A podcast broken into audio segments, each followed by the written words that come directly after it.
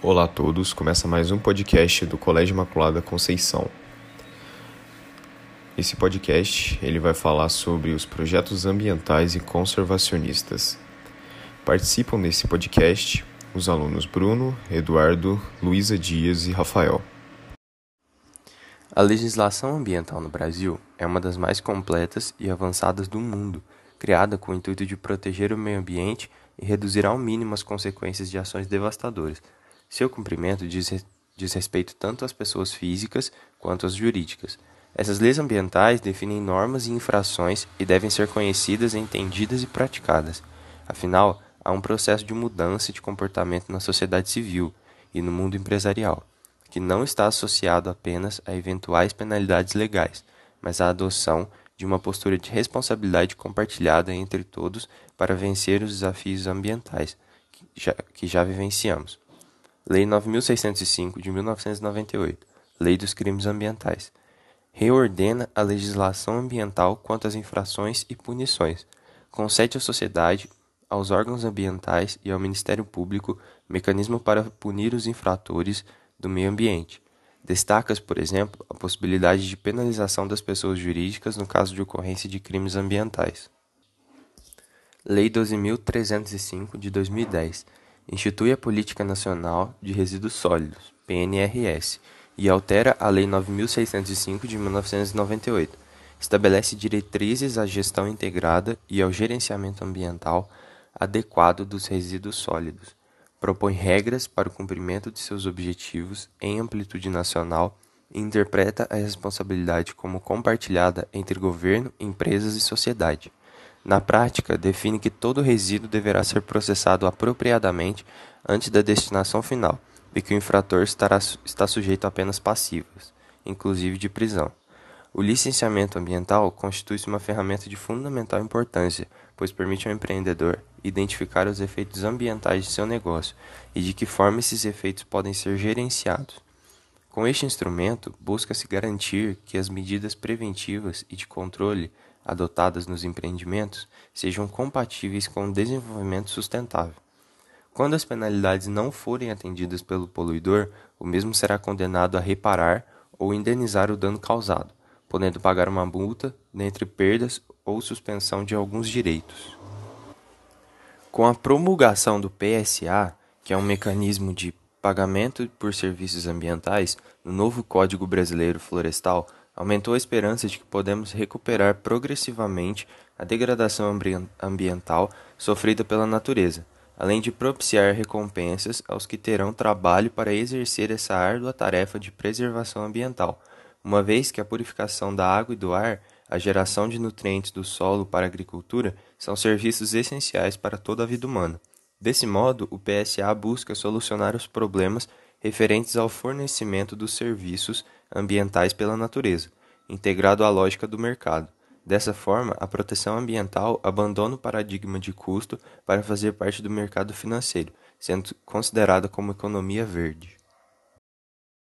As unidades de conservação ambiental são espaços geralmente formados por áreas contínuas, institucionalizados com o objetivo de preservar e conservar a flora, a fauna, os recursos hídricos, as características geológicas, culturais, as belezas naturais, recuperar ecossistemas degradados, promover o desenvolvimento sustentável, entre outros fatores que contribuem para a preservação ambiental.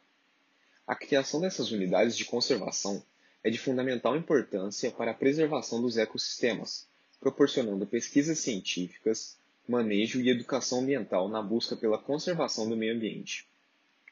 Essas unidades podem ser destinadas à exploração sustentável de recursos naturais, preservação total do ecossistema, realização de pesquisas, visitação para promover a educação ambiental.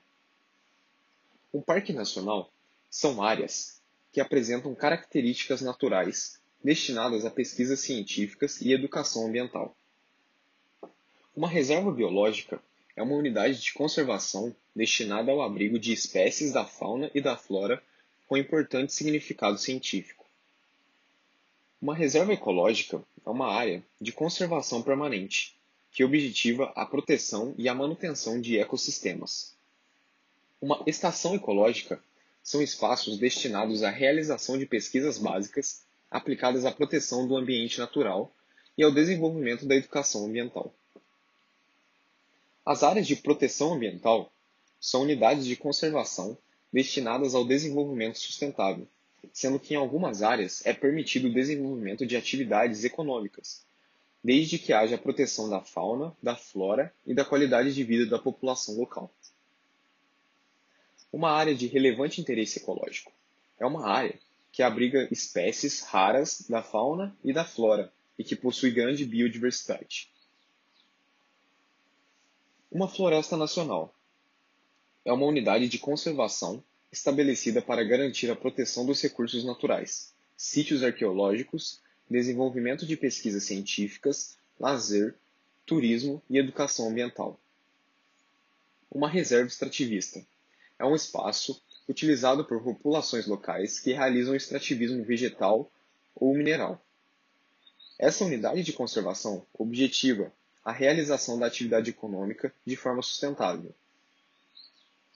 O Refúgio da Vida Silvestre é uma área destinada à proteção dos ambientes naturais para a reprodução de espécies da flora local e da fauna migratória. Reserva da Fauna é uma área destinada ao estudo sobre o manejo econômico e sustentável das espécies nativas.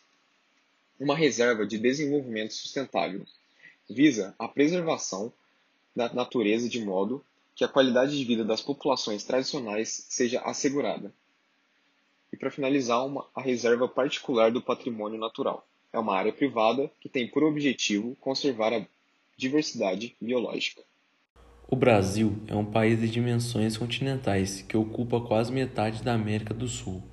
Sua grandeza territorial abriga uma imensa variedade de elementos físicos e naturais, bacias fluviais, águas marítimas e subterrâneas, florestas, planícies alagadas, dunas, mangues, entre outros, entre outros. Compõem o meio ambiente brasileiro e contribuem para que o país possua a maior biodiversidade do planeta. Seus 8,5 milhões de quilômetros quadrados comportam diferentes zonas climáticas que incluem o trópico úmido do norte. O semiárido no Nordeste e as áreas temperadas no Sul, essas diferenças contribuem para a ocorrência de uma grande variedade ecológica no total. O país possui sete diferentes tipos de biomas, ou seja, grupos de fauna e flora interagindo com o meio físico. Dentre os biomas brasileiros, Amazônia, Cerrado, Caatinga, Mata Atlântica e Pantanal, Costeira e Pampas, a Amazônia é o destaque nacional e internacional, com a maior floresta tropical úmida no mundo. Ela possui a maior variedade de vida na Terra, da Terra tão variável quanto os biomas brasileiros são a, são a fauna e a flora do país. O Brasil abriga aproximadamente 20% de todas as espécies animais e vegetais existentes no planeta. Os números conhecidos são de aproximadamente 524 espécies de mamíferos, 517 anfíbios e 1.677 aves e 468 de répteis vivendo em seu território. Dentre essas formas de vida, grande parte é endêmica, ou seja, são exclusivas do Brasil. 131 espécies de mamíferos, 294 de anfíbios e 191 de aves, e 468 de répteis. Além disso, várias espécies da flora brasileira possuem importância econômica mundial, como o abacaxi, o amendoim, a castanha do Pará, a mandioca, o caju e a carnaúba conservação ambiental no Brasil, segundo a definição do dicionário Aurélio. O termo conservar significa resguardar de dano, da decadência, da deteriorização, significando ainda manter em bom estado ou condição, condição frequentemente tratado como sinônimo de preservação, a conservação ambiental contempla a relação com a natureza através do uso racional de seus recursos pela espécie humana. O pensamento conservacionista é característico da maioria dos movimentos ambientais e de políticas de desenvolvimento sustentável que buscam um modelo de desenvolvimento que, que garanta a qualidade de vida e desenvolvimento econômico, preservando os recursos para a geração de futuras. Assim, temas como a redução da matéria-prima, uso de energias renováveis, redução do crescimento populacional, combate à fome e mudanças nos padrões de consumo, equidade social, inclusão de políticas ambientais no processo de tomada de decisão econômica e o respeito de biodiversidade são alguns de seus princípios. O Brasil é plural em diversidade natural, cultural e religiosa. Por isso, o papel de liderança em nosso país tem a responsabilidade de abranger e respeitar todos esses níveis, entre eles os povos indígenas e quilombolas. Os índios foram os primeiros habitantes do território brasileiro, bem antes da colonização pelos portugueses. Atualmente, existe uma média de 300 povos indígenas no Brasil, sendo mais de 817 mil índios, de acordo com estudos realizados pelo IBGE. Desse total, cerca de 503 mil vivem na zona rural e 315 mil estão em áreas urbanas, de acordo com os dados da FUNAI, entidade governamental responsável por proteger os direitos dos índios no Brasil. A maioria da população está no norte, especificamente no estado do Amazonas. E em segundo lugar, se encontra no Nordeste, com destaque para a Bahia.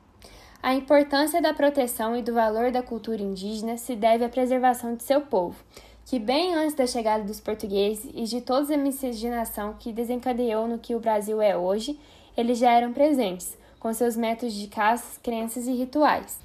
Desse modo, apesar de saber que grande parte dos índios remanescentes entram constantemente no processo de socialização, é importante proteger esse patrimônio de nossa sociedade para que o mesmo não entre em extinção.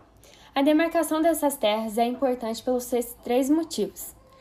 Primeiro é pela preservação da cultura e da natureza. Essas porções de terra do território nacional, habitadas por um ou por mais povos indígenas ou por comunidades quilombolas, abrangem suas atividades produtivas para sustento próprio, como plantio de alimentos, além de garantir seu bem-estar necessário à reprodução física e cultural, segundo seus usos, costumes e tradições.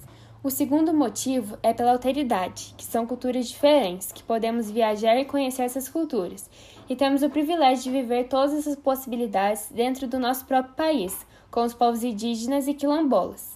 O terceiro motivo é pelos direitos. É um direito de todos os brasileiros a tutela do patrimônio dos povos indígenas e quilombolas. É uma forma de autoconhecimento da história nacional e proteção das manifestações culturais que compõem não apenas a identidade dessas comunidades, como também a identidade brasileira. A demarcação de uma terra indígena tem por objetivo garantir o direito indígena à terra. Ela deve estabelecer a real extensão da posse indígena, assegurando a proteção dos limites demarcados e impedindo a ocupação por terceiros. A Constituição reconhece aos índios o usufruto exclusivo de tais terras, o que significa que ninguém tem o direito de ocupá-las como poceiros. Elas pertencem desde sempre ao poder público e têm uma destinação específica e imutável. Nenhum particular pode exibir sobre elas. Beneficiam-se também sociedade nacional e mundial com a demarcação dessas terras, contribuindo para a proteção do meio ambiente e da biodiversidade, bem como para o controle climático global visto que as terras indígenas representam as áreas mais protegidas ambientalmente, localizadas em todos os biomas brasileiros. Assim, essa demarcação também contribui para que seja garantida a toda a população brasileira e mundial um meio ambiente ecologicamente equilibrado.